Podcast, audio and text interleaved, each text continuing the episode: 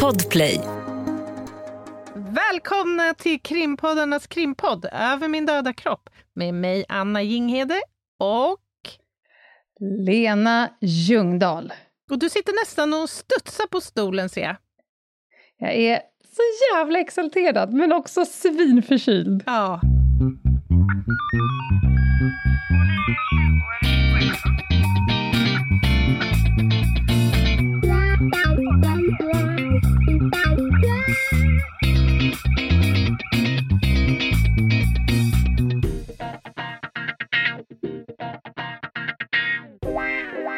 Men jag har nu matchat upp med en rejäl dos upp i sjucken Oj, med preparat. vill jag veta vad du har fört upp i sjuckas?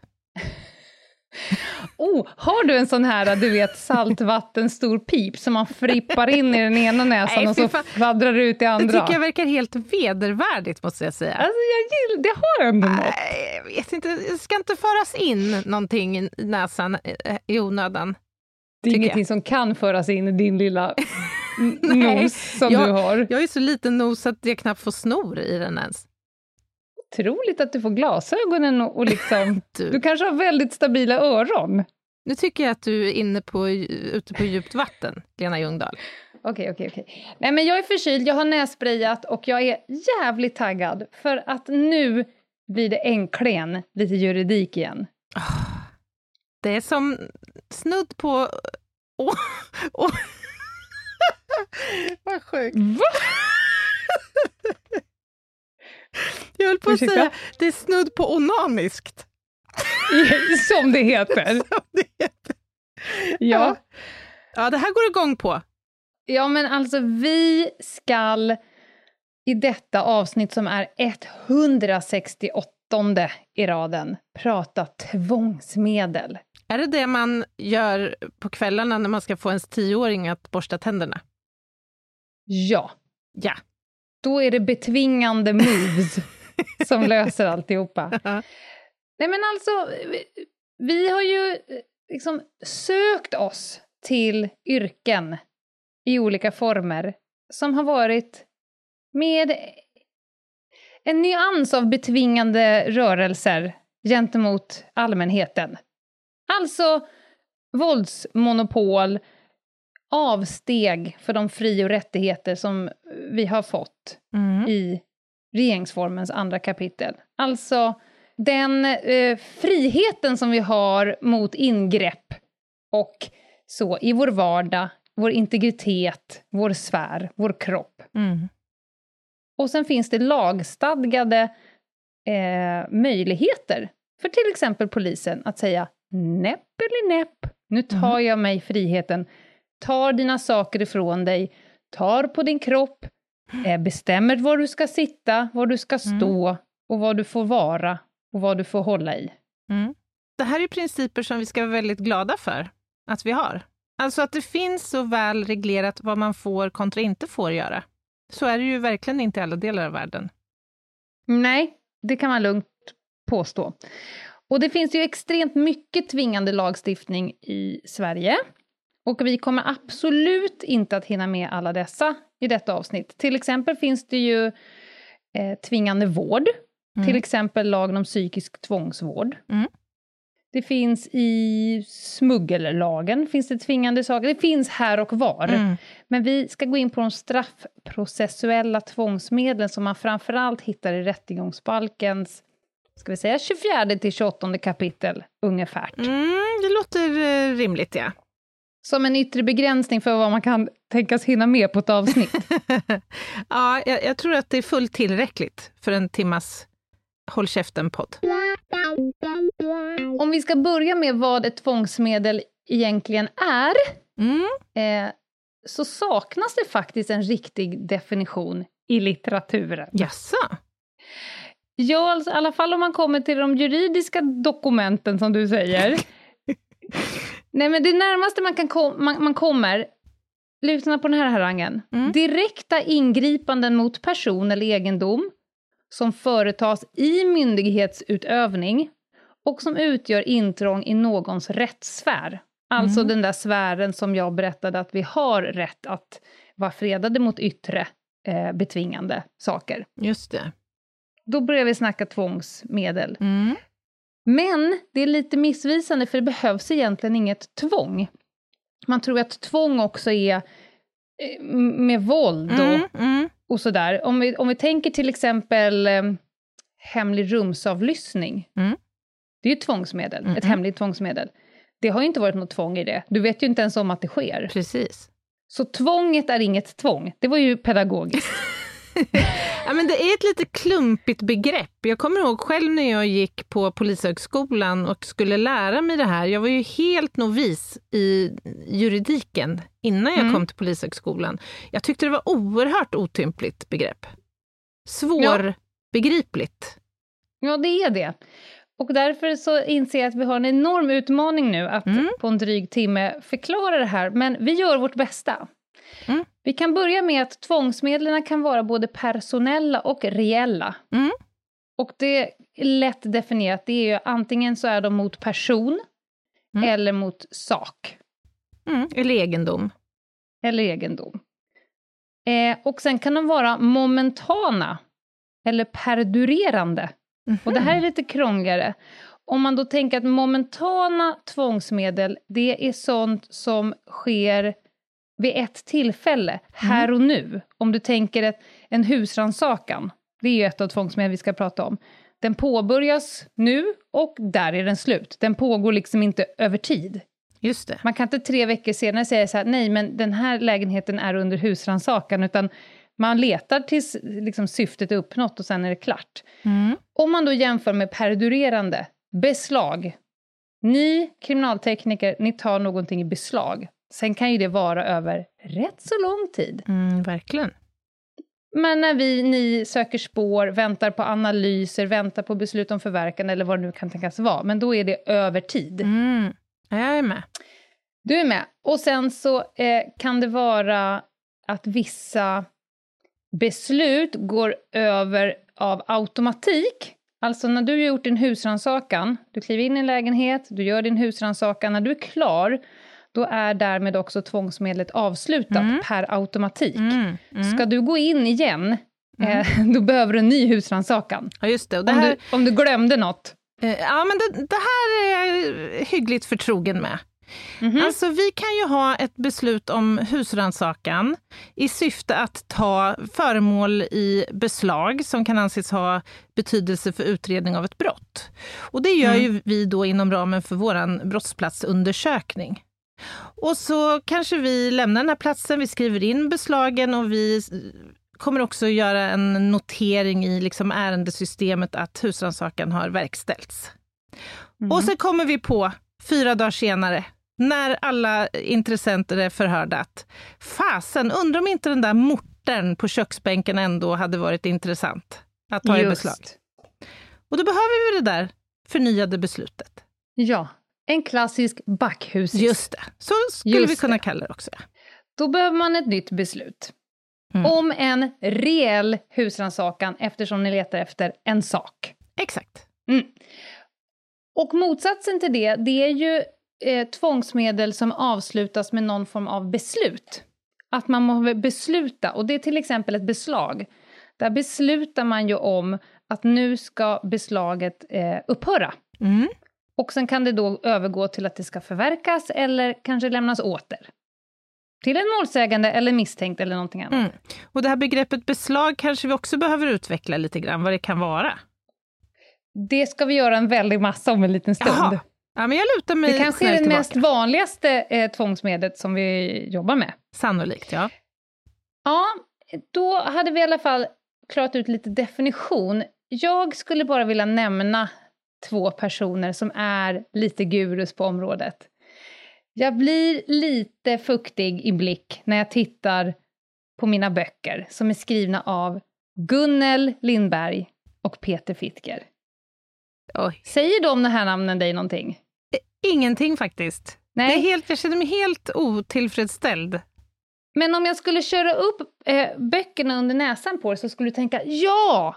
Ja, så Mhm. den. Och så Mm. skulle du kanske få, möjligtvis i ditt fall, någon form av ångestpåslag. Ja, så skulle det mycket väl kunna bli. Ja, men Gunnel Lindberg, en överåklagare som jobbar på, hon har jobbat på justitiedepartementet, hon har varit byråchef för JO, byråchef för riksåklagaren, chef på tillsynsverksamheten hos åklagaren och så vidare och så vidare. Hon kan lite skit. Hon kan lite skiten där du. Hon har skrivit en tegelsten eh, om 844 sidor gällande straffprocessuella oh, tvångsmedel. Herregud, undrar om hon mår bra, Gunnel? Jag kommer på mig själv att sitta och bläddra den här lite fram och tillbaka. Sluta, säger hon med fuktig blick. ja. Och sen har vi ju Peter Fittger, som tyvärr inte längre är med oss, men jurist och, och rättsvetare. Och han har skrivit en bok som är liksom kanske den mest lästa gällande kommentarerna till rättegångsbalken. Så om man, vill liksom, om man vill läsa en paragraf och sen fundera på, undrar de tänkte här när de skapade paragrafen, hur ska man tolka Men vem undrar det ens? Vem? vem? Jag? Okej okay då. Nåväl, det finns i alla fall väldigt mycket att säga om tvångsmedel. Och vi kommer framöver ha fler avsnitt. Till exempel kommer vi behöva ha ett helt avsnitt om alla former av frihetsberövanden. Mm. Allt från gripande till anhållande, till häktande, till hämtning, till förhör och så vidare. Mm. Eh, om vi ska gå vidare och fundera på när tvångsmedel egentligen får användas och vad som reglerar det. Mm. Och nu undrar ni där ute kanske varför vill ni att jag ska veta det här? Jo, Kanske om någon gång i livet du möter på en polis som vill rota i din väska, mm. gå in i ditt hem, eh, ta urinprov och så vidare, så kan det vara bra att veta varför och mm. eh, hur ska du tänka och vad har du gjort för att trampa i det klaveret så att säga. Mm. Och vad händer om de har fel? Mm. Det är i alla fall extremt noggrann reglerat i framförallt rättegångsbalken. Finns lite här och var. Eh, utöver detta men idag kommer vi hålla oss till de tvångsmedel som finns i rättegångsbalken. Det finns ett förundersökningskrav för att få hålla på och veva bland tvångsmedlen. Mm -hmm. Alltså om det inte är inlett en förundersökning så ska man inte heller hålla på att ta beslag och husansaka. Så när ni åker ut och gör en brottsplatsundersökning och eh, har fått beslut om till exempel en husrannsakan, mm. då finns det ju en förundersökning i grunden. Mm. Det är ju någon behörig förundersökningsledare polisiär eller åklagare som har inlett en förundersökning och därmed öppnas verktygslådan av tvångsmedel på ett mm. sätt. Mm. Mm. Eh, och det här vill jag minnas att vi har pratat ett helt avsnitt om. Mm. Hur man leder en förundersökning. Det känns bekant, ja. Tidigt, va? Eller? Rätt så tidigt. Ja. Tillräckligt långt bort för att vi vi ska titta ut i fjärran när vi ska känna efter. Ja, men vi har ju varit inne på det här med vad som krävs för att en förundersökning ska kunna inledas. Exakt. Och så vidare. Mm. De olika misstankegraderna och så. Ja. Och när en förundersökning läggs ned så upphör också tvångsmedel i regel. Alltså, eh, om du har massa beslag i ett ärende och så vidare och så vidare, så kan inte någon Eh, förundersökningsledet säga men nu lägger vi ner den här förundersökningen, det finns inga, vi kan inte komma vidare. Det finns någon form av nedläggningsbeslut. Mm. Då kan ni inte fortsätta hålla på att göra husansakningar och beslag i det ärendet, ja, utan då upphör även eh, skälen till att hålla på och veva tvångsmedel. Mm. Syftet generellt för att få göra tvångsmedel, för att helt enkelt få göra de här ingreppen i folks rättssfär, mm. det är ju för att antingen underlätta en förundersökning som pågår, Mm. Eh, eller underlätta en rättegång, eller att säkra verkställighet av olika saker. Mm. Kom, det kommer klarna om en stund. Och jag skulle säga, det här med att underlätta en förundersökning, det är absolut nödvändigt många gånger. Att kunna ja. använda sig av tvångsmedel för att överhuvudtaget utreda ett brott ju. Exakt. Eh, ja. Det är många, många brott som helt enkelt inte skulle gå. Jag kan dra ett väldigt lätt exempel. Om jag tror att någon är påverkad av narkotika, mm. så kan det knappt bevisas på annat sätt än att jag får ta lite prover från min kropp. Nej. Jag kan absolut hålla förhör och vittnesförhör och ta saker i beslag, men det kommer mest troligt inte hålla, utan jag kommer också behöva eh, göra ett tvångsmedel, mm. i det här fallet kroppsbesiktning, för mm. att också ta reda på om du har knark i kroppen. Mm. Däremot så får man inte hålla på med tvångsmedel av några anledningar som man kanske då gärna skulle vilja, men det är inte syftet. Det finns ju alltid ett syfte med lagstiftning. Det finns ju förarbeten, ett begrepp som ibland svängs vidare. Alltså, nu behöver vi stifta en ny lag och så gör man förarbeten och så är det massa smarta människor som har tänkt. Och då finns det ett syfte med varje lag. Mm. Det man inte får använda eh, tvångsmedel till, det är att förebygga eller förhindra brott. Och det går ju det blir ju också väldigt rimligt om man pratar om att om en förundersökning är inledd, då finns det anledning att anta att ett brott har begåtts. Mm. Inte att ett brott eh, kommer att begås någon Just det. gång. Eh, finns lite undantag i det här. Det här pratar vi om när vi eh, pratar om hemliga tvångsmedel. Säpo har lite utvidgad när det kommer till att förebygga Mm. Mm. eh, det, ja. vissa brott. Mm. Eh, man får inte heller hålla på och eh, använda tvångsmedel för att uppdaga eh, brott om misstanken inte har nått den punkt där man faktiskt kan inleda en förundersökning. Man Mm. får helt enkelt inte jobba i för... Man får inte börja tjuvstarta med tvångsmedlen. Just det. Man får vänta med att man har nått upp i beslutspunkten för att inleda en förundersökning. Mm. Tror du folk hänger med så här långt, Anna? Ja, det tror jag definitivt. Du är oerhört pedagogisk. Ja, men tackar, tackar. Man får inte heller använda tvångsmedel för att få fram överskottsinformation. Man kan inte använda tvångsmedel för att spana eh, mot personer. Eh, med undantag då för, alltså att leta efter personer, Mm. med undantag då för personell husrannsakan, som är att man letar i en bostad efter en person som kanske ska gripas, Precis. Och, anhållas. och bara en liten grej där, det här med syftet är ju alltid viktigt att Mm. fundera på i våran bransch ju. Vad är syftet med eh, att vilja ha en husrannsakans beslut till exempel? Exakt. Eh, Men du nämnde det här med överskottsinformation, att syftet får inte vara att inhämta överskottsinformation. Däremot så kan ju vi få det, vare sig vi vill Oh, det ja. eller inte. Exakt. Därför vi har allting. Till exempel alla gånger som vi har haft telefonavlyssning på våra grovt kriminella. Då får man ju en eh, orimligt mängd med överskottsinformation. Till exempel, eller när man läser dokument eller när man är hemma hos folk, så inser man att här har det begåtts andra brott.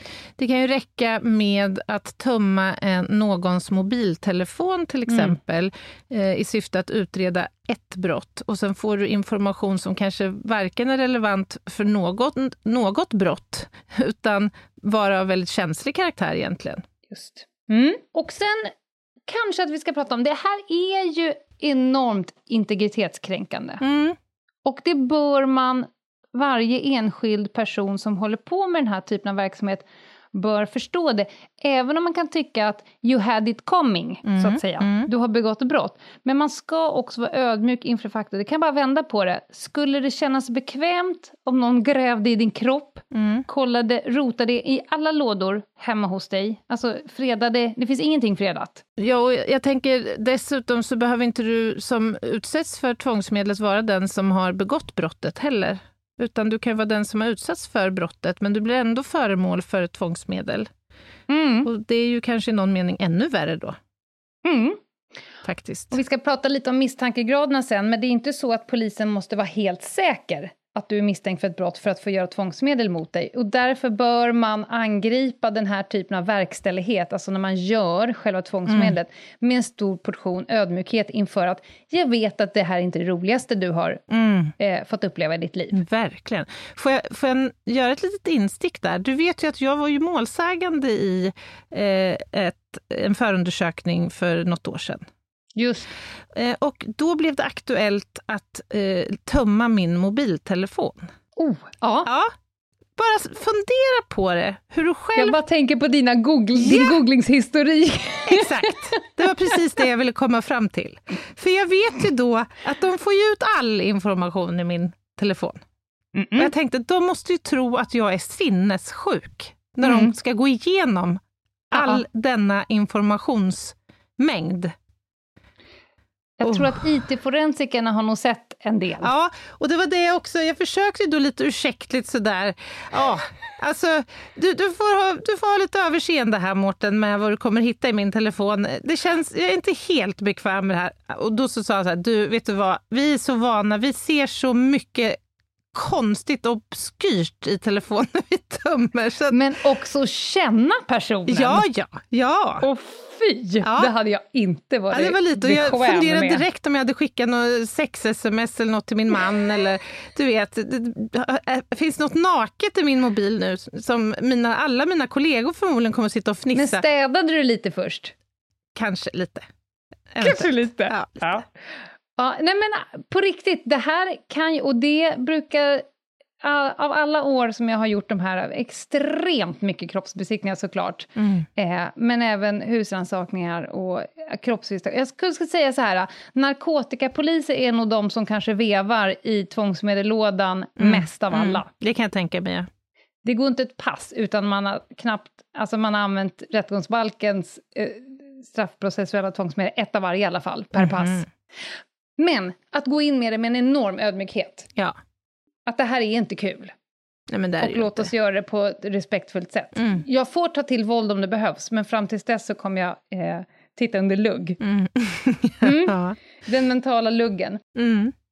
Och när jag är inne på våld, får våld användas för att verkställa tvångsmedel? Och då är grundsvar ja. För annars skulle det inte gå att jobba för polisen. Om man säger så här, nu får du göra en kroppsvisitation, och så säger personen så här, nej jag vill inte, mm. du får inte. Då blir det jätterimligt om myndigheten säger Okej, okay, det var tråkigt. Ja, eller att det på, kommer utspelas någon form av meningsutbyte kring det här. Mm. Jo, det får jag visst det. Nej, nej jag vill inte. Jo, men jag kommer göra det nu. Nej, Då vaknar sluta. de här jävla gik-gök-personerna och säger jag kan mina rättigheter. Ja, precis. Det är då jag brukar svara, låt mig, vad va bra, så brukar jag säga. Låt mig då beskriva dina skyldigheter. jag kommer nu att läsa, jag tar upp den här boken. Jag har ju såna här flärpar i olika kulörta färger på ja, sidorna här. Det där oroar mig maximalt. Den, det är en vältummad sida. Det är polislagens tionde paragraf mm. jag nu fläker upp. För den är kopplad till rättegångsbalken. Och det har vi pratat om tidigare. Det är många paragrafer som skickar små hintar till varandra. Mm. Mm. Olika lagrum. Och då står det vissa befogenheter för polisman, användning av våld, paragraf 10. Jag läser.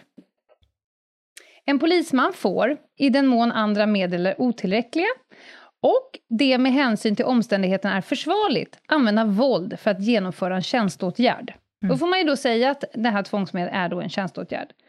Och så står det i punkt 1, det är om man möts med våld eller hot om våld. Mm. Nu kommer punkt 2. Mm. Nu börjar vi närma oss tvångsmedel. Om någon ska häktas, anhållas eller med annars lagastöd berövas friheten. Sen bläddrar jag fram lite till punkt fyra. Nu blir det jätteintressant, Anna. Du har redan somnat. Mm. Polismannen ska med laga stöd avvisa eller avlägsna någon från ett område eller utrymme. Eller verkställa eller biträda kroppsvisitation, mm. det är tvångsmedel, kroppsbesiktning eller annan liknande åtgärd vid beslag, omhändertagen egendom, husrannsakan som avses i rättegångsbalken. Mm. Här finns ju alltså lagstödet att om du inte vill mm så kommer jag att använda så mycket våld eh, som är försvarligt för att genomföra min tjänsteåtgärd. Mm, mm. Och där sätter du själv lite ribban, kan ja, man säga. Ja, det kan man säga. Det kan man säga. Ja. Och då är frågan, kan man vägra? Och då har ni redan fått svaret här. Mm. Nej, du kan inte vägra. Men många har försökt. Mm, ja, oh ja. Hur våldsamt har det blivit i Anna Jinghedes liv när hon ska eh, göra en, en tjänsteåtgärd, verkställa en, en, ett tvångsmedel mot någon? Ja, men jag har nog varit ganska förskonad för den typen av situationer, även om det naturligtvis har hänt. Mm. Men alltså jag vet ju också erfarenhetsmässigt att, erfarenhetsmässigt att det blir ju sällan, det är sällan en framgångsfaktor att hamna där. För verkställandet av tvångsmedlet, så att säga. Om det nu är fråga om en kroppsbesiktning till exempel. Så, men vad har du gjort då för att inte hamna där, tror du? Ja, men jag, jag tror att jag har jobbat ganska mycket, kanske överdrivet mycket i vissa situationer med att verbalt försöka liksom få den här personen med på noterna. Mm. Ibland har det inneburit att det har tagit en kvart längre, men jag vet att i slutänden så har vi också tjänat på det. För att ingen vinner på att det blir ett fysiskt motstånd och man ska behöva med våld så att säga genomföra den här åtgärden. Nej. Det kan vara ganska... Eh, pedagogiskt att säga så här att nu har jag precis tagit ett beslut om att vi ska göra det här. Mm. Det kommer att bli så. Mm.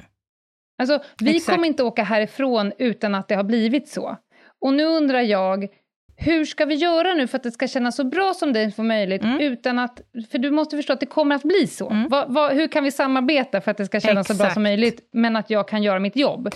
Plus att jag skulle säga att många gånger när man har ingripit i syfte att kanske göra en kroppsbesiktning, att ta ett urinprov ifrån någon eller Mm. vad det nu kan vara, så är det ju ofta faktiskt medborgare som har varit med om, they know the drill, så att säga. Mm, De ja, fattar verkligen. liksom vad, vad det här innebär. Och många gånger så måste jag säga att det har gått hur bra som helst. Oftast Ja, går ju det. oftast. Mm. För att de fattar att det här måste göras, hur gärna jag än vill att det inte ska göras, så, så kommer det att bli så. Och då går det bra. Mm. Så när någon gastar, jag kan mina rättigheter, egentligen så är dina skyldigheter att om någon har beslutat att du ska underkastas ett tvångsmedel så kommer det att bli så. Mm. Och nu kommer ännu deppiga, du kan inte ens överklaga det. Alltså Mm. det här, de, tvångsmedel går inte att överklaga. Till exempel gripande, husrannsakan, kropps... Eh, eh, och kroppsbesiktning. Mm. Det vill säga, tough luck! Mm. Och då bör vi ju gemensamt göra resan eh, så bra den bara kan bli. Ja, men verkligen. Verkligen. Då kommer nästa fråga, kan man lämna samtycke till tvångsmedel? Svaret är Ja, men jag tänker till exempel som det här som vi var inne på tidigare, men jag vet inte riktigt om det klassas som tvångsmedel då, men till exempel det här att lämna ifrån sig en telefon som en målsägande för tömning. mm, Det bygger ju på ett samtycke. ja. Och då är det frågan om, om telefonen klassas som att vara i beslag. Mm. Eller om jag samtidigt som jag gör en polisanmälan lämnar ifrån mig, här, titta här, ta det här, undersök det här, så ni hittar tjuven. Ja, men om det nu tar tre veckor, Mm. så måste väl telefonen rimligen vara i beslag? Mm.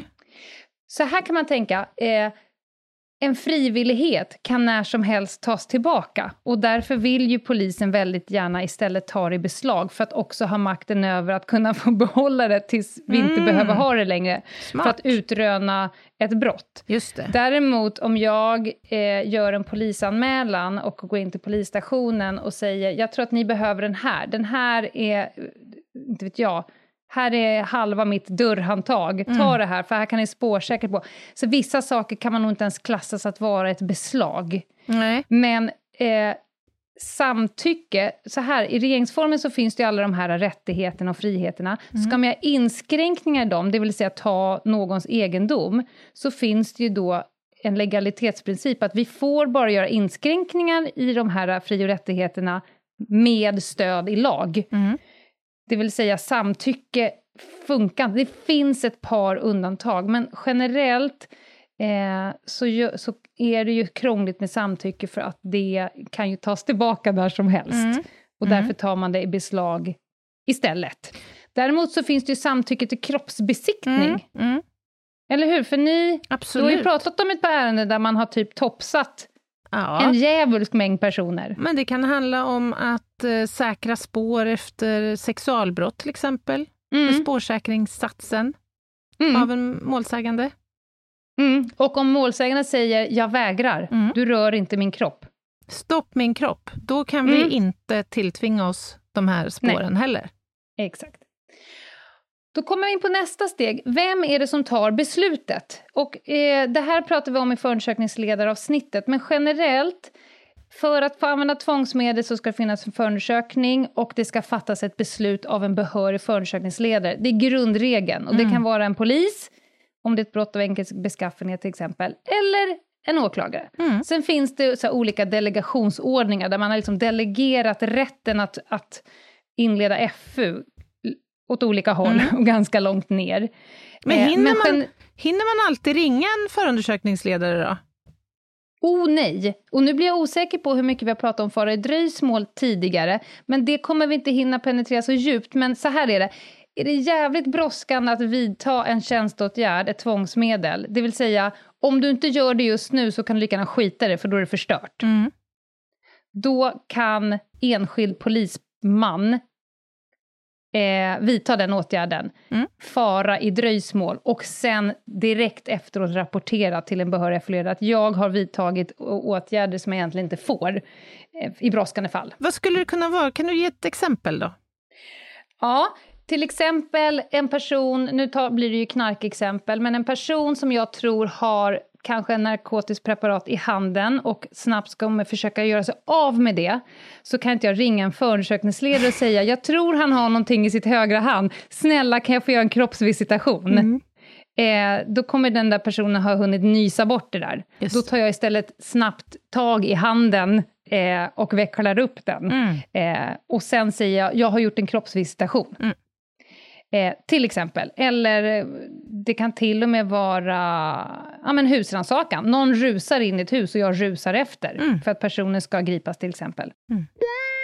En, en sista liten sak då innan vi ska gå på paus här snart. Men Skälig misstanke har vi varit inne på ett par gånger i podden. Det finns ju massa olika grader av misstanke. Vi har pratat om att kan antas, kan misstänkas och ibland säger vi också sannolika skäl, det är den högre graden. Mm. Men skälig misstanke är den heliga graalen som öppnar upp tvångsmedelsanvändningen. Mm. I de allra flesta tvångsmedlen så krävs bara nivån skälig misstanke, men ändå måste man komma upp i den nivån. Mm. En viss person ska skäligen misstänkas för ett visst brott. Mm. Och det brukar ju vara en ganska tidig utgångspunkt i liksom i den operativa verksamheten. Så här, hur kan vi jobba upp skälig misstanke Mm. eh, av en Och person? det kan, misstolk det kan misstolkas som att man ska jobba upp Alltså den finns egentligen inte, men vi ska lite med våld, vilja och vaselin få till den. Men det man egentligen menar är, vad har vi för konkreta omständigheter framför oss som med viss styrka talar för att en viss person har begått ett visst brott? Mm. Och när man börjar liksom, eh, identifiera de konkreta eh, omständigheterna, då har man jobbat upp. Nu har vi nått Mm. nivån att den här personen kan skäligen misstänkas för det här brottet precis just nu. Inte för ett år sedan. Nej. Alltså det, det måste vara en viss person, ett visst brott och en, eh, en tidpunkt. Mm. Mm. Mm. Då är de formella kraven för att använda tvångsmedel uppfyllda, Mm. kan man säga. Mm. Sen har vi de här eh, principerna som du var inne på. En liten snabb repetition. Mm. För de gäller lika mycket vid tvångsmedel som allting annat. Legalitetsprincipen. Mm. Kan du harangen, Anna? Inget brott utan lag. Inget straff utan lag. Helt riktigt. Det betyder att du måste ha stöd i lag för att göra de här sakerna. Ändamålsprincipen var du också inne på, förarbeten och så vidare. Mm. Du får inte använda ett lagrum med ett annat syfte än vad lagrummet har för syfte. Mm. Du kan inte gå in och göra en husrannsakan eh, för att om, om syftet är att du ska eftersöka fyra stycken stulna vinterdäck Mm. Så är det märkligt om du letar i översta besticklådan. Mm. Och det här, Mm. det här tycker jag är superviktigt, för jag tror att det finns människor där ute som ibland kan uppleva att det här är beslut som fattas lite godtyckligt. Jag blev Mhm. föremål för en husrannsakan, till exempel. Mm. Och man kan inte alls förstå varför det har Nej. drabbat mig. Eh, och då måste man komma ihåg att, som sagt, det finns, det finns alltid, ska alltid finnas ett uttryckligt syfte med att genomföra Ja. de här åtgärderna. Det Och det brukar ju förundersökningsledaren vara ganska duktiga med, för det är ju Verkligen. de som blir hängda. Då kan de säga Okej, jag beslutar om husrannsakan och så brukar det komma en harang i bostaden och därtill anhängande så att man får liksom kanske garaget, Mm. källarförråd. Det brukar komma lite så. Med syfte att hitta narkotika, kan det då vara i det här fallet, Mm. Och eh, brottsverktyg Mm. eller andra saker som kan bevisa narkotikaförsäljning eller narkotikatillverkning. Mm. Då får man liksom leta apparater, pennor, USB-stickor, datorer och allt möjligt som kan påvisa det här. Ja, och det kan ju också vara så här att man säger, men vi skulle vilja ha ett beslut om husrannsakan på den här personens arbetsplats också, för vi känner oss ganska säkra på att där kan det finnas narkotika i skrivbordslådan, Mm. till exempel. Och det är inte helt ovanligt då att åklagaren säger nej, nej, det är inte tillräckligt för att jag ska kunna fatta det Mm. här beslutet, utan vi börjar så här och sen får vi ta det därifrån.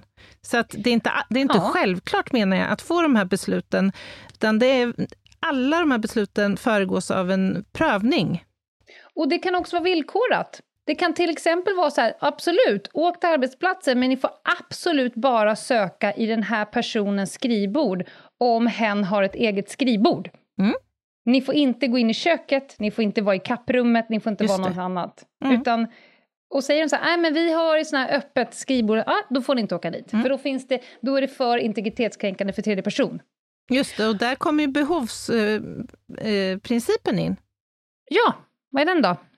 Ja, men det handlar ju om att olägenheten inte får vara liksom större än nyttan med eh, ingreppet eller insatsen, åtgärden. Helt riktigt. Mm. Du får göra det bara om det behövs. Och Mm. du får inte göra det mer ingripande eller integritetskränkande än det behövs. Liksom proportionalitet. Mm. Det måste stå i proportion till målet du försöker uppnå. Mm. Mm. Och sen har vi också att det ska ske objektivt och hänsynsfullt. Eh, och det är ju generellt för mm, olika lagrum som man eh, inskränker folks rättigheter alltså, i en förundersökning. Att får, det får inte ske eh, med större olägenhet än vad det behövs. Eh, och sen det här återkommer då, då när man trycker extra på det. Till exempel i, i rättegångsbalkens 28 kapitel så kan man till exempel läsa i 13 paragrafen att det får inte ske eh, det ska ske hänsynsfullt, det ska ske avskilt, det Mm. måste ske och så att man påminner användaren, Mm. i det här fallet polisen, om att tänk på att du har fått jättemycket makt nu Mm. och då måste du också vara jättesnäll. Mm. Som Bamse. Precis. Och med det tror jag att vi går på paus, så kommer vi efter pausen gå in på de vanligaste tvångsmedel som faktiskt används. Spännande. Ett poddtips från Podplay. I fallen jag aldrig glömmer djupdyker Hasse Aro i arbetet bakom några av Sveriges mest uppseendeväckande brottsutredningar. Går vi in med hemlig telefonavlyssning och, och då upplever vi att vi får en total förändring av hans beteende. Vad är det som händer nu? Vem är det som läcker? Och så säger han att jag är kriminell, jag har varit kriminell i hela mitt liv men att mörda ett barn, där går min gräns. Nya säsongen av Fallen jag aldrig glömmer på Podplay. Kära vänner och lyssnare, välkomna tillbaka till krimpoddarnas krimpodd. Idag är det Ljungdahl som håller i taktpinnen och det blir tvångsmedel för hela slanten. Var ska du ta oss nu, Ljungdahl? Jag tänkte att vi kikar på kanske de absolut vanligaste. Jag har redan nämnt dem några gånger. Vi pratar beslag, vi pratar husrannsakan, vi pratar kroppsvisitation och kroppsbesiktning. Och för den delen också avspärrning, Anna. Oh. 2715. Nu, nu fick du mig. Ja. Vad- hur ofta drar du en avspärrning? Eller är det redan avspärrat när ni kommer på plats? Ja, jag drar väldigt sällan en avspärrning. Eh, För det har jag Mm. nästan alltid gjort. Sen kan det hända att jag tycker att avspärrningen är för liten. Eller att jag vill ha en central avspärrning runt liksom den hetaste zonen, om man säger så. Och jag vill ha Mm. en yttre avspärrning. Och syftet kan ju då vara till exempel att hålla borta allmänhet, media, Eh, det kan vara så att vi misstänker att vi har en eh, flyktväg över ett större område. Ja, Mm. återigen, jag måste ha ett syfte med den där avspärrningen. Och avspärrning är ju egentligen inte att ni tar någons besittning över någon lägenhet eller något sånt där. Alltså du, ni snor den inte, den är inte i beslag. Nej. Utan ni helt enkelt gör att i det här området Mm, eh, så bestämmer ni just nu. då Och då bestämmer är det vi. avspärrat enligt rättegångsbalkens 27 kapitel, 15 paragraf. Och då brukar sitta en liten flashig skylt, en röd-gul skylt. Ja, precis. Och den informerar ju då om att det är absolut förbjudet att kliva in under den där avspänningen. Och det här kan ju människor ha svårt att förstå. Men jag ska bara ta min cykel som står där Ja. inne. Eller Ja. jag ska bara gå igenom här, för det går fortare när jag ska hinna med en buss. Eller vad det Ja. nu kan vara. Ja. Så det här, och det gör ju oss eh, lite putta, så att säga. Vi vill inte ha folk inne på avspärrade områden och platser. Vi har väl alla som aspirant fått jobben. Eh, kan du stå och vakta avspärrningen? Ja. Ja. Det betyder egentligen, kan du hantera mängden folk som Ja. inte förstår att det är ett blåvitt plastband och en röd-gul skylt med text som säger absolut förbjudet. Kan du förklara för dem att det är absolut förbjudet? Ja, nej men alltså, Ja. det är ju så. Och saken är den att det här gäller ju även poliser. Mm. Det är avspärrat även för polisman i tjänst, om inte jag eller den som är förman i vår patrull beslutar eller tycker att det är angeläget att en person ska Mm. få beträda platsen, för så kan det ju vara.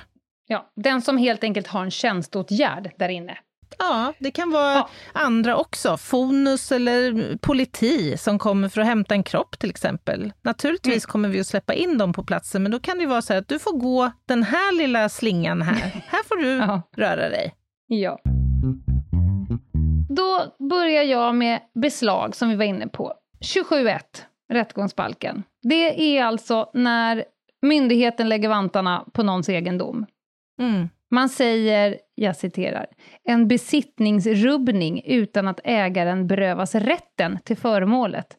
Alltså det är fortfarande din, Mm. men du har inte tillgång till den, för det har jag. Mm. Ungefär det säger ju paragrafen. Mm. Mm. Eh, och i ett annat avsnitt så tror jag att vi får, vi får spara det här med kvarstad och förvar, för Mm. det är ju lite flummigare. Men det är ju när man utreder och försöker säkra tillgångar som inte är en lös sak. Mm. Mm. Jag ligger, jag, det är när man försöker sno saker från det som egentligen inte finns. Det är nog pengar någonstans Mm. som vi behöver säkra upp för att de ska egentligen till Kronofogden. Mm. Ja, det är lite överkurs kanske. Men ja, vi tar det, kanske ett avsnitt om ekonomisk brottslighet. Ah, smart. Ja, men det vanligaste måste väl ändå vara när man tar beslag, det måste ju vara för att man anser att föremålet, eller vad det nu kan vara, har betydelse för att kunna utreda ett brott. Mm. Ge några exempel. Ja, om jag utgår från min egen verksamhet så kan det vara fråga om kläder, eh, vapen, tillhyggen, en dörrkarm, ett parkettgolv eller en bil. Smidigt! Ta ett parkettgolv i beslag. Nej, men det är alltså det vi släpar in från platser. Det, är inte, det är oftast inte smidigt Ja. att släpa på. låt oss ta med oss det här kalhygget in. ja, ja, ja. Alltså, Barkborren har begått ett brott. Vi tar kalhygget. ja, men ofta, och, och saken är den att det här är ju lite eh, komplicerade grejer, men alltså vi behöver ju oftast ta beslag för att ta egentligen säkra spår på beslag. Så egentligen är det ju spår vi är intresserade av, men vi måste ta någonting i beslag för att kunna säkra spåret. Mm, det är svårt att ta spåret med sig in. Ja, det är ju det. Ibland Mm. så går inte det och då måste vi lyfta med oss ett helt golv eller en hel, Mm. ja vad det nu kan vara. En vanlig invändning är ju att för personen säger så här, nej ni kan inte ta det här beslag för det är inte jag som äger den. Mm. Och det kan vi ju säga på en gång att det är fullständigt skitsamma Ja, vem som äger prylen. Absolut. Det är helt oviktigt när det kommer till tvångsmedel. Ja, det är det. Jag kan ta, eh, du sitter i en bil, nu tar jag bilen i beslag. Ja Mm. men det är inte min. Nej, men nu tar jag bilen i Bad beslag luck. ändå. Ja. Bad luck. Mm. Ring och hälsa ägaren att den inte har någon bil längre. I alla fall inte besittning över den. Sen har vi de här återställande beslagen och det är... Det är ju när man tar saker i beslag som ska tillbaka till ägaren. Mm. Stöldgods till exempel. Ja, någon, en klassiker är väl att någon ringer och har hittat en dumpad moped eller en cykel Just. till Mm. exempel. Sen har vi förverkande beslagen. Mm. Och det är ju saker som inte skall åter, utan det skall då förverkas. Det kan vara ett brottsverktyg. Mm. Det kan vara saker man har använt för att framställa saker som inte får framställas. Det kan vara en förfalskad sedel. Mm. Det kan vara ett, ett narkotikapreparat, Mm. eller ett olagligt vapen till exempel. Mm. Gör ni det mycket?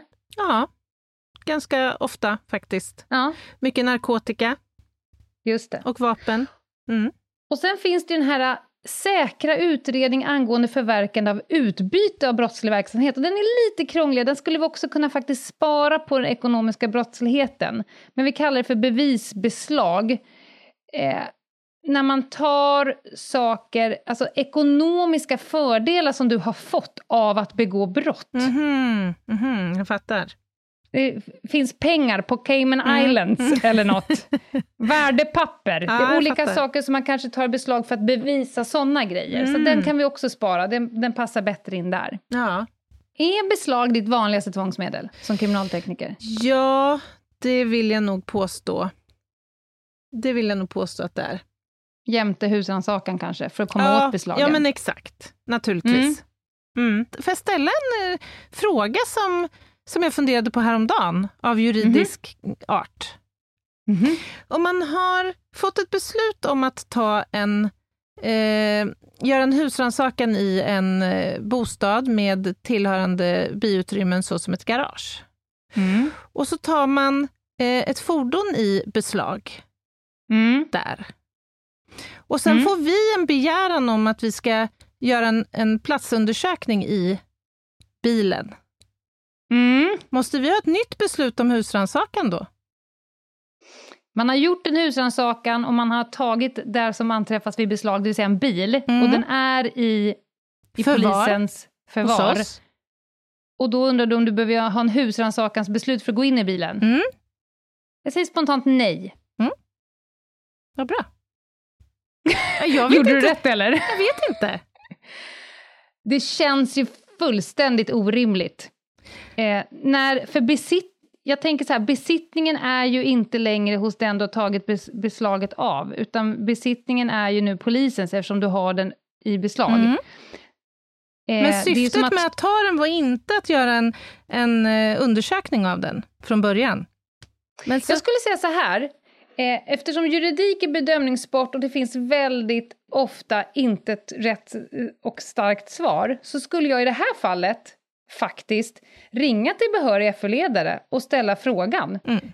Eh, behöver du? du? Man skulle kunna få två svar om man ringer på två olika förundersökningsledare. Den ena skulle säga så här, men hallå, jag har ju redan tagit beslut om husrannsakan och du har tagit det i beslag. Mm.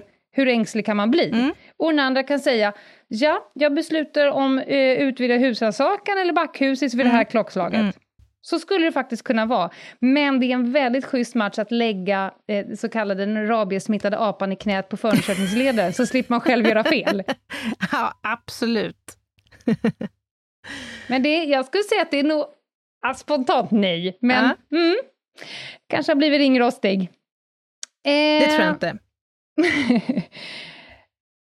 Beslag kräver ju ofta ett annat tvångsmedel, som vi var inne på, för att komma åt beslaget. Till exempel att göra en husrannsakan för att kunna ta telefonen i beslag. Mm. Att göra en kroppsvisitation för att kunna ta det du har i fickan i beslag. Mm. Om du inte bara hittar ett beslag liggandes på marken, så är det oftast ett annat tvångsmedel som har lett dig dit. Yes. Eh, vem får besluta om beslag då? Då är det så här att den som, den som har ett lagstöd redan, till exempel för att göra den här husrannsakan eller kroppsvisitationen, den får ta det som hittas där i beslag. Mm. Här behöver du alltså inte ringa till förundersökningsledaren igen och säga ja, nu, har, nu har vi gjort, gått in på den här husrannsakan som du beslutade om. Mm. Eh, nu har jag hittat de här fyra stulna vinterdäcken här, kan jag få ta dem i beslag? Då kommer ju förundersökningsledaren säga har du läst 27, 4 någon gång? alltså om du nu hittar det vi letar Mm. efter, då får du också besluta om att ta det beslag. Mm. Eh, och sen så funkar också fara dröjsmål. Om jag är tvungen att göra det, jag hinner inte ringa. Mm. Då tror jag vi är lite klara med beslag. Ska vi gå in på själva husrannsakan? Vi en- Kan man inte ja. bara få lägga till där, tyckte du gick väldigt snabbt, lämnade beslagen här, när man väl har tagit eh, föremål i beslag, Ja. på, eh, låt säga vid en brottsplatsundersökning. ja. Det kan ju i vårt fall innebära att vi har 500 prylar i beslag. Ja. Alltså vi kan ibland behöva åka ut med en släpkärra för att Ja. lyfta in beslag. Då kan man ju tro att de här föremålen kommer galant bara helt enkelt placeras i någon lämplig miljö i polishuset. Rada upp sig. Ja, but Ja. no. Det här No. ska då skrivas in, punkt för punkt. Beskrivas till sitt utseende.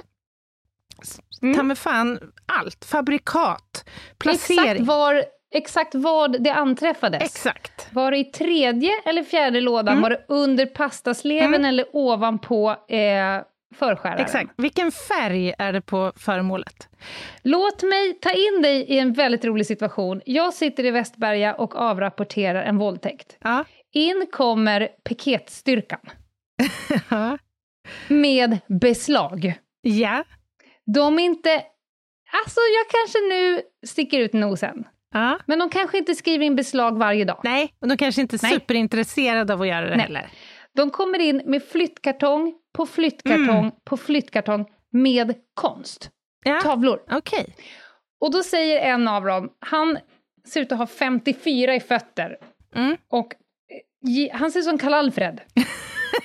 Så säger han så här, jag skriver, ni börjar liksom rabbla Ja. och då ska den här gruppen samarbeta. Då tar de upp första tavlan. Och jag ska säga det att 99% av alla, alla tavlor var horisont. och då ska de ju särskilja det här. Och då börjar den här farsen och jag sitter och skrattar mig fan harmynt. Det är så oerhört roligt. Ja, då tar vi punkt nummer ett, horisont. Ja, det var enkelt. Och då bara pekfingret, dok, dok, dok, horisont. Ja. Punkt två, fan, det är en horisont. Eh, ta, ta dunkel horisont. Alltså, och så bara fortsätter du, timme efter timme. Horisont i skymning. Punkt Horisont. 47. Och så kom det, sköte i horisont. Då var jag ju tvungen att resa mig upp och bara, ge hit tavlan. Nu, ni behöver hjälp. Det där är ingen sköte, det är en vass.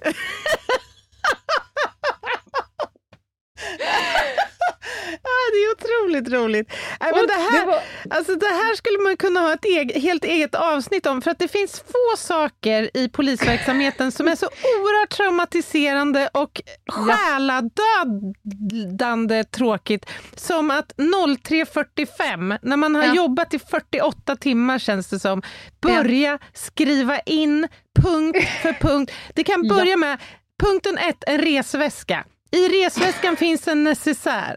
Punkten 27. I necessären fanns det en, ett litet etui med tabletter. Ja, för du kan ju inte skriva in punkt ett, resväska med innehåll. Nej. Det går inte. Åh. För då är det så att punkt en strumpa ska till tekniker, en annan strumpa ska Ja. liksom... Nej, men det är otro... Och då ska, nu, ska jag, nu kanske det här är preskriberat, hoppas jag. Men som narkotikapolis kan man komma in 03.15, då har du ju pissat av 43 personer. Just det.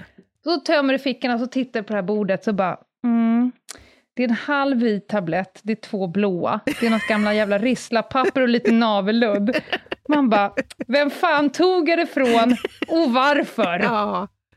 Och var hittar jag det någonstans? Nej, det är... Det här, Ja. det här är jobbiga grejer, men det måste ju bli rätt för att i Ja, slutändan det. när en utredning är Kära klar... JO. Ja, visst, men allt det här Ja. ska ju sen tillbaka till dess rättmätiga ägare. Ja, Mm. Nej, men det, det är helt riktigt. Det är väldigt roligt. Ja, men vi gasar på här nu.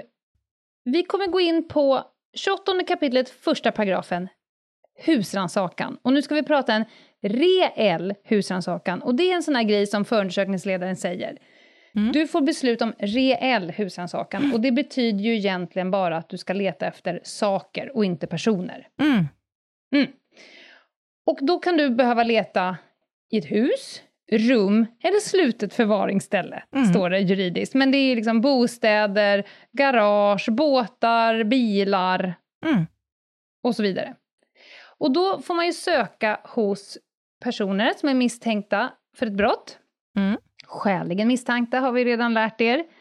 Men man får också söka hos annan än Mm. den som skäligen kan misstänkas för ett brott. Men då krävs det också att det ska finnas synnerlig anledning. Mm. Vad skulle det kunna vara? Som gör att du söker inte hemma hos mig, utan hemma hos min granne istället? Ja, det skulle ju till exempel kunna vara att eh, en skjutning har skett på en Mm. plats och så finns det uppgifter om att eh, den här gärningspersonen har tagit sin tillflykt till sin åldriga mormor. Kanske. Ja. Och vi har anledning att tro att där kan vapnet finnas. Till Ja. exempel. Till exempel. Och då när man säger att det finns starkare krav på att hur säker man ska vara, det ska vara synnerlig anledning, då kommer jag ihåg på Polishögskolan så sa de, de jämförde det med att om du får tag på en granne som säger till dig som polis när du kommer, ja men jag stod i nyckelhålet, han sprang in där, Mm. han la grejerna där. Mm. Då är det liksom syn- det är beyond skälig misstanke, för Mm. då har du ju någon som, du är ju ganska säker på att du kommer hitta någonting. Medan skälig misstanke är så här, ja, det finns en hel del som pekar åt det hållet, men jag är absolut inte säker. Mm. Och det är ju för att, för att säkra upp skyddet för tredje person, att du kan bara inte, du kan inte springa ner husrannsakan i alla Nej, lägenheter i trapphus, utan det ska finnas en synlig anledning. Du ska vara ganska säker på att få, få Mm. pang för peng. Eh, nej, du kan inte göra en husrannsakan med, med samtycke. Nej. För då samtyckes tas tillbaka och då blir det så himla tråkiga toner överlag. Och nej, du behöver inte heller eh, få ett papper. Nej men vad bra Anna! Den har man ju hört ett par gånger. Men vad fan, måste ni inte ha ett beslut om husrannsakan? Mm. Jo, säger jag då, som då var förundersökningsledare. Jo, det måste vi absolut ha. Ja, men var är det? I mitt huvud. Mm. Och det, jag förstår att det känns flummigt. Mm. Men hur ska, det, på riktigt har ju dialogen varit så här, men hur ska jag veta att det finns i ditt huvud? Mm. Eh, ja, en ledtråd kan ju vara att jag säger det till dig. Att jag är förundersökningsledare och har nu tagit beslut om husrannsakan. Mm. En annan grej kan vara att jag har också ett starkt dokumentationskrav. Mm. Så när jag har verkställt den här husrannsakan så kommer jag att skriva en rapport över husrannsakan och den har du rätt att få se. Mm. Men ibland, jag har ju till och med tröttnat och bara, nej men har du någon jävla servett eller någonting så får jag skriva 21.06 beslut, Beslut. husrannsakan av vem? Förundersökningsledare Lena Ljungdahl, verkställan, förundersökningsledare Ja. Lena Ljungdahl och kriminalinspektör eh, Anna Jinghede. Mm. Så, här har du. Okej, säger de då. Men jag tror att det här är en ren så här, Ja. filmteknisk grej. De har sett någon trycka upp ett papper i facet på, Ja, men på visst någon är bara. det så. Och vad, varför skulle man då få ett beslut om reell husrannsakan eller ta ett sånt beslut? För det kan man också göra för dröjsmål om det är brådskande. Mm. Och det är för att kriterierna sök efter föremål som kan tas i beslag. Och då har vi gått igenom varför man kan ta saker i beslag. Mm. Eh, eller saker som ska tas i förvar. Mm. Eller av andra utredningsskäl. Då kan man få ett beslut om att göra en reell husrannsakan. Mm. Sen har vi i paragraf 2 i samma kapitel personell husrannsakan. Och då har vi det där exemplet som du sa. Det har varit en skjutning, man ser personen springa hem och när du kommer dit, du får beslut om en personell husrannsakan i hans bostad. Mm. Det är tomt, men de vet, har någon har sett han springa i porten. Men då kommer den här grannen och säger, han sprang upp på vinden. Ja, då kommer du, Garra, få beslut om en personell husrannsakan, även på vinden, Mm. fast han inte bor där. Mm. Det finns synnerlig anledning att tro att vi kommer hitta honom där. Jag kan berätta att jag skulle göra en personell husrannsakan vid tillfälle när jag jobbade som ungdomspolis. Mhm. Och vederbörande förstod att vi var på ingång. Vi Ja. klev in tidigt på morgonen. Vi tänkte det blir bra. Vi nyper honom i sömn, så att säga. Mhm. Nej, nej. Han hade ställt sig i en garderob. Och när vi kliver in, det var också väldigt mörkt i det här utrymmet. Och när vi kliver in så skrämmer han oss. Alltså, Ja, men jag tänkte säga, ni måste skita på ja, er. det var ju precis det som höll på att hända. Jag fick ju byta småbyxa efter, efter det här. Han garvade så mycket så att, ja. ja Nej, men han visste det, han gick in och ställde sig och så väntade han på rätt Ja. timing och så flög han ur. Ja. Vilket jävla as! Ja, Fast verkligen. också lite roligt. Fast jag, du vet när man blir så här skrämd så att man börjar asgarva, det var precis det som hände. Nervös fniss. Lite så. Mm. Ja. Roligt. Man ska ha kul på jobbet. Eh, och vem får man leta efter på en personell husrannsakan? Den som ska gripas, den som ska anhållas. Alltså för att kunna göra de här sakerna så måste man helt enkelt eh, få tillträde till olika utrymmen Mm. för att kunna hämta den som ska göra det här. Gripas, anhållas, häktas. Hämtas till förhör eller någon som ska underkastas kroppsvisitation, kroppsbesiktning. Mm. Och då kan ju folk undra, eh, varför skulle man behöva göra det här i fördröjsmål? Alltså, någon som, ska kropp, eller någon som ska kroppsbesiktas. Om du tänker rattfyllecaset, Mm. någon som kör full, en klassiker, någon som kör full, lämnar bilen och så rusar ut och kastar sig in, då kommer man kasta sig efter. Och då är det ju ofta bråttom, för att om personen hinner dricka, Just det. då kan du inte heller bevisa att, att du körde full, utan att Nej. du kanske blir full efteråt. Så det är jävligt bråttom. Eftersupning. Ja. Mm. Även det här får man göra hos annan om synnerlig anledning finns. Mm. Förundersökningsledare beslutar eller för dröjsmål. Mm. Och då är det då lite så här, vad får man göra då under en husrannsakan som polis? För det här är tämligen uppstyrt. Mhm. De vanliga principerna gäller syfte, eh, hänsyn, legalitet, behov, proportionalitet och så vidare. Mm. Man får använda våld, även vid det här tvångsmedlet, för att kunna göra den här uh, åtgärden. Jag har väldigt många gånger både tagit beslutet och också fått, om det har varit åklagare eller annan förundersökningsledare inblandat, Mm. fått så här att ja, ni får husrannsakan, men inte mellan 21 och 06. Nej, just det. Mm. Klassisk fredad tid, Mm. nattvila. Mm. Och det är inte så att det juridiskt är förbjudet att göra husrannsakningar den tiden, men man försöker i möjligaste mån av hänsynsprincipen säga nej, personen får sova. Mm. Men det finns undantag här också. Självklart, ibland gör man ju med flit. Mm. Den här klassiska barnpornografihärvorna där man Mm. slår på 48 olika platser samtidigt, det är ju alltid 0412. Mm. Ja. För att man vill att de ska vara hemma, men inte vid datorn helst. Mm. Exakt. Mm. Man går också igenom, finns det barn? Alltså finns det någonting vi ska tänka på? Mm. Om vi ska För här kan man ju verkligen bli våldsamt. Och inte mot person, utan man kan behöva slå Mm. sönder dörrar. Det kan spräcka fönster, vi, vi ska in. Mm. Och då lägger man verkligen pannan i väck först och tänker på så här, hur många kommer vi skrämma ihjäl Mm. med den här åtgärden? Och står det i proportionalitet på vad vi behöver? Mm. Kan vi vänta? Mm. till barnen har gått till skolan.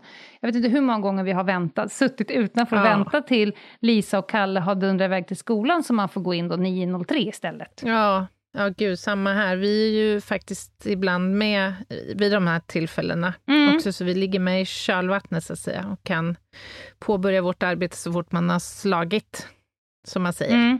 Mm. Ja, verkligen.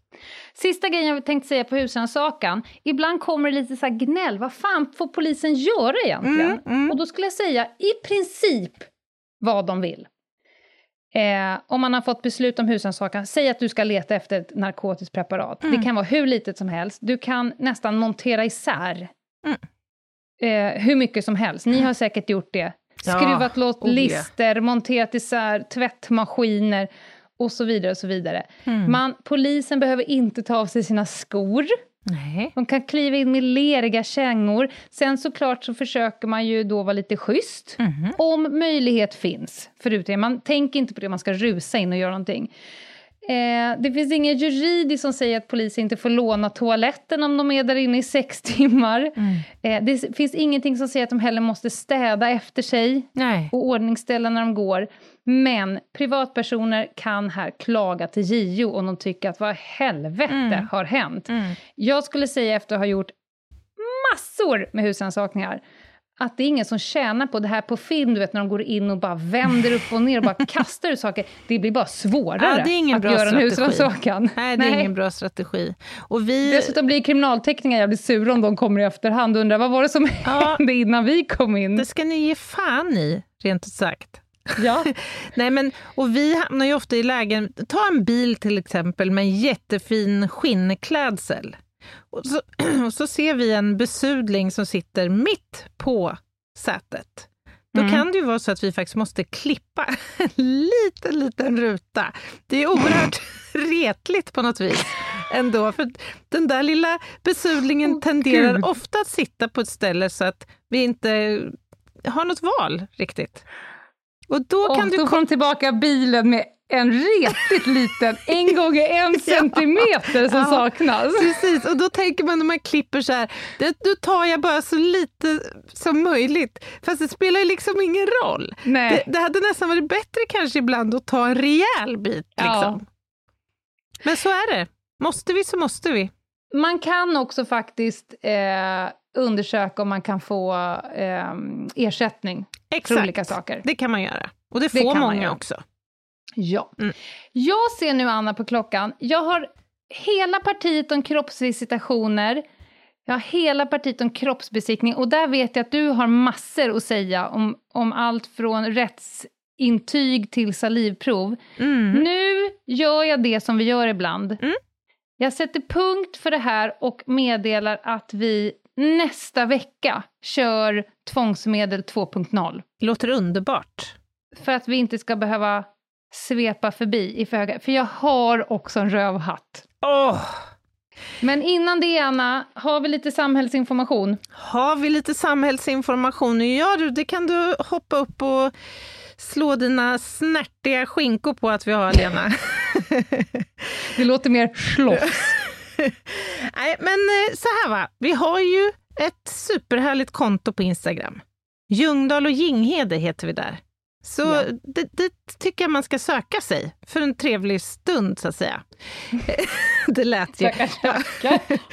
Eh, och har man tankar och synpunkter som man vill förmedla till oss så går det alldeles utmärkt att mejla på hej och. Men nu, Lena, har du, har du rövhatt alltså? Jag har en rövhatt. Lenas rövhatt. Den här veckan så kommer rövhatteriet sprungen ur en frustration Jaha. som har väckts i mig. Och den här frustrationen spretar. Mhm. Vi ska alltså prata om en kategori personer som ifråntar mig rätten att bli riktigt sned på rövhatten. Jaha, Den krånglar till det för mig. okej. Nu ska jag prata om fenomenet eh, Messenger-meddelande man får, eh, DMs som man får på Instagram. Vi får ju ibland sådana som är ganska lätt kategoriserade som Raven Hatten. Ja. Ja. Men nu ska jag och prata om kategorin... Dickpics Ravenhatten. Ja, men det är ju lätt. Ja. Där, där är ju liksom... Jag är uppe i taket, därför, där känner jag direkt att du är en rövhatt. Ja. Och jag behöver inte ta ansvar för mina känslor här nu. Nej. Men nu ska jag prata om kategorin... Du ser att du har fått ett nytt meddelande. Mm. Du klickar på det Mm. och läser Hej. Inget mer. Inget jag mer. fattar precis nu. Absolut inget mer. Nej. Det kan också vara Hello. Men kan vi, kan vi ändå inte konstatera i någon form av konsensus här att det är uteslutande män som skickar de här? Ja, absolut. Men, men jag tycker att det här är ett jävla rövhatteri av olika anledningar. Ett, du är inte tillräckligt dum så att jag får rätten att, att liksom känna att du är en rövhatt och bara klicka bort dig. Nej, Det. Jag måste också ta ansvar här. Mm. Du beter dig så diffust. Mm. Jag, vill inte, jag vet inte om du vill sälja något. Jag, vill, jag vet inte om du vill knulla. Eller om du håller på med någon socialantropologisk studie, eller om du vill hitta en brevvän. Eller om du också har en svår eh, variant av någon diagnos, så du faktiskt inte kan bättre. Jag hamnar i ett sånt här ansvarsvakuum, Ja, jag fattar. Alltså det här är... Ja, där jag känner så här, ska jag krama dig? Mm. Ska jag bli arg på dig? Ska jag tycka att du är en jävla sexäckel? Ja. Eller ska jag bidra till din studie i... Undrar hur folk beter sig när man bara säger hej. Ja, Om du bara tar det här, ta det här till in real life. Ja. Du är ute och går, Ja. Örebro, eh, vad heter Kungsgatan, heter den ja, säkert. det finns den. Ja. Ja. Helt plötsligt kommer en person du har aldrig sett. Det är en man, för det är alltid en man Ja. i det här fallet. Ställer sig nu en centimeter framför din näsa och säger hej. Hej. Det är exakt samma sak. Ja, Det är ja. ett jävla ovett alltså. För där och då vet ju inte du, kommer du döda mig? ja. Är du psykiskt sjuk? Ska jag krama dig och, och ta dig till en, en facilitet med mycket kuddar? Mm, mm. Ska, jag, ska jag säga eh, hej, kan jag hjälpa dig med någonting? Du vet inte! Nej. Nej, men det där, alltså det här, det, det, det är både sofistikerat och samtidigt förrädiskt rövhatteri det här. Eh, men jag måste ändå säga, uteslutande gånger när jag har fått de här hej, ja, då har Så du, har du svarat. ja, det har jag gjort. jag har alltså lärt mig den hårda vägen. Men jag har också gjort en liten empirisk studie här. Men låt höra, Ja, för men att alltså- jag har ju fått ganska många på slutet. Ja.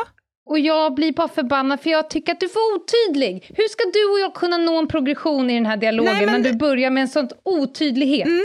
Men jag, jag fattar ju vad det här handlar om. Jaha. Och misstaget man gör är ju att svara. Därför Ja, att uteslutande 100% av 100, 100 av 100, så att säga, 100% vill ligga. Det är snusk det handlar om. är det Ja, det? ja. Det här hej, det är helt enkelt en testraket. Eller en, ja. Alltså de skickar på en det här vilken hej. jävla fattig raket Den är alltså. oerhört Det är ju fattig. knappt en femöres Kina-puff. Nej, nej, den är knaper så in i helskotta. Men alltså det är, så här, det är så här de jobbar. Får de då en respons där, ja, då kommer de att liksom successivt bara nofsa åt sig hela handen. Liksom. Men det är så dumt! Alltså det här provocerar mig så oerhört mycket. Ja. Det är så in i helvetes dumt. Ja, och, och det första man tänker eh, när man får ett sånt där meddelande, eller man, jag, det är ju frestelsen att svara hej? frågetecken. Som att, ja, vadå hej, vad vill du? Ja, men...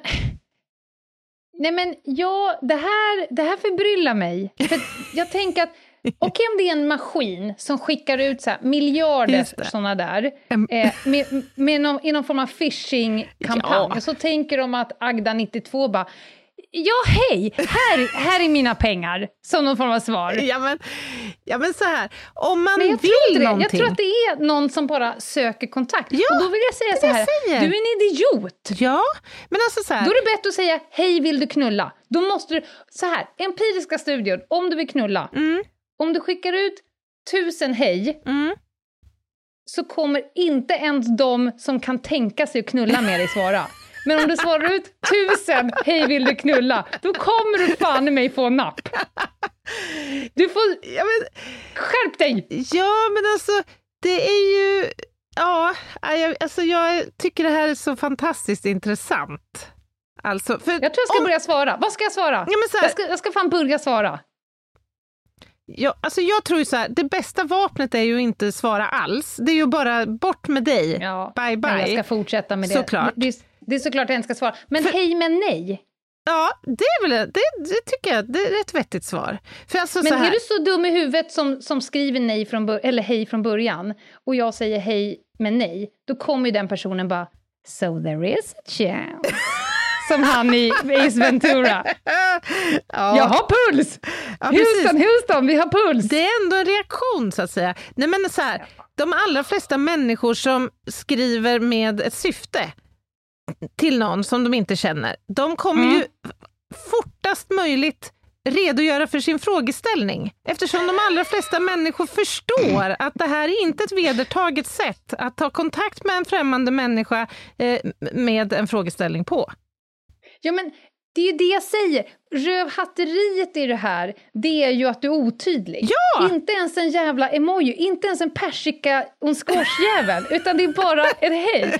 Alltså, om någon som man gick i gymnasiet med skriver, då fattar man ju. Du är nyskild, Ja. du har varit på Rish 12 onsdagar utan Just napp. det. Nu har du scrollat dig tillbaka så jävla långt. Så här, Fan, Ljungan och jag hånglade ju en gång i sexan. Ja, fast jag, gör, jag gör det, I'm going in. Nej, men så här Lena, om någon skickar den där squashen, eh, persikan och vattenstänket som, som en liten rebus till dig, då är ju sannolikheten 0% att du kommer att ens bemöda dig med att svara.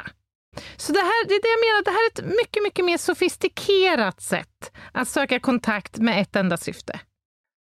Du kan för i helvete inte kalla tre jävla bokstäver för sofistikerat. alltså det är ju, det är ju Okej, knappt... Det är norr... Studerat då. Ja, okej, ja bättre. Mm. Det är ju två grader norr om toffeldjur. Ja, det, det, det är lite amöba-nivå på det hela, det, det får jag ge dig. Nej, jag, jag, jag, säger, jag ger dig rövhatteri-epitetet för, att- för otydligheten. Ja, Mm. det är bra. Du, jag får ta för mycket ansvar för situationen som jag inte har bett om. Det är det som är rövhatteriet. ja. Ja, nej, det där är ett otyg. Sluta genast Ja, upp med det där. Sluta genast upp med Mm. det där. Då är det nästan bättre för övrigt att få en dickpic direkt, för då, då fattar man ju ändå.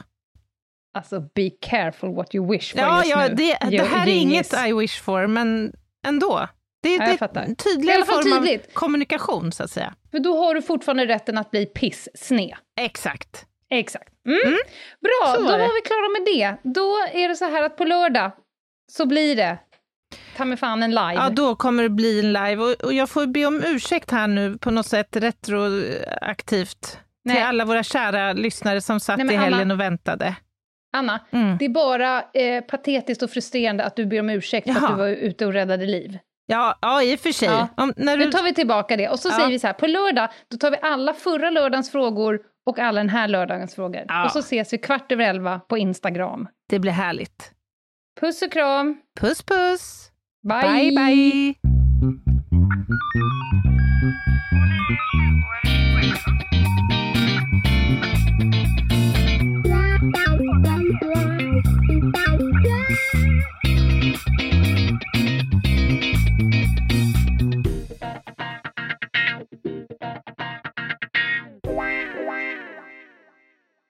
you Ett poddtips från Podplay.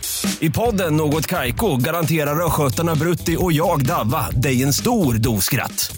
Där följer jag pladask för köttätandet igen. Man är lite som en jävla vampyr. Man har fått lite blodsmak och då måste man ha mer. Udda spaningar, fängslande anekdoter och en och annan arg rant. Jag måste ha mitt kaffe på morgonen för annars är jag ingen trevlig människa. Då är du ingen trevlig människa, punkt. Något Kaiko, hör du på Podplay. Därför arkadeinerna.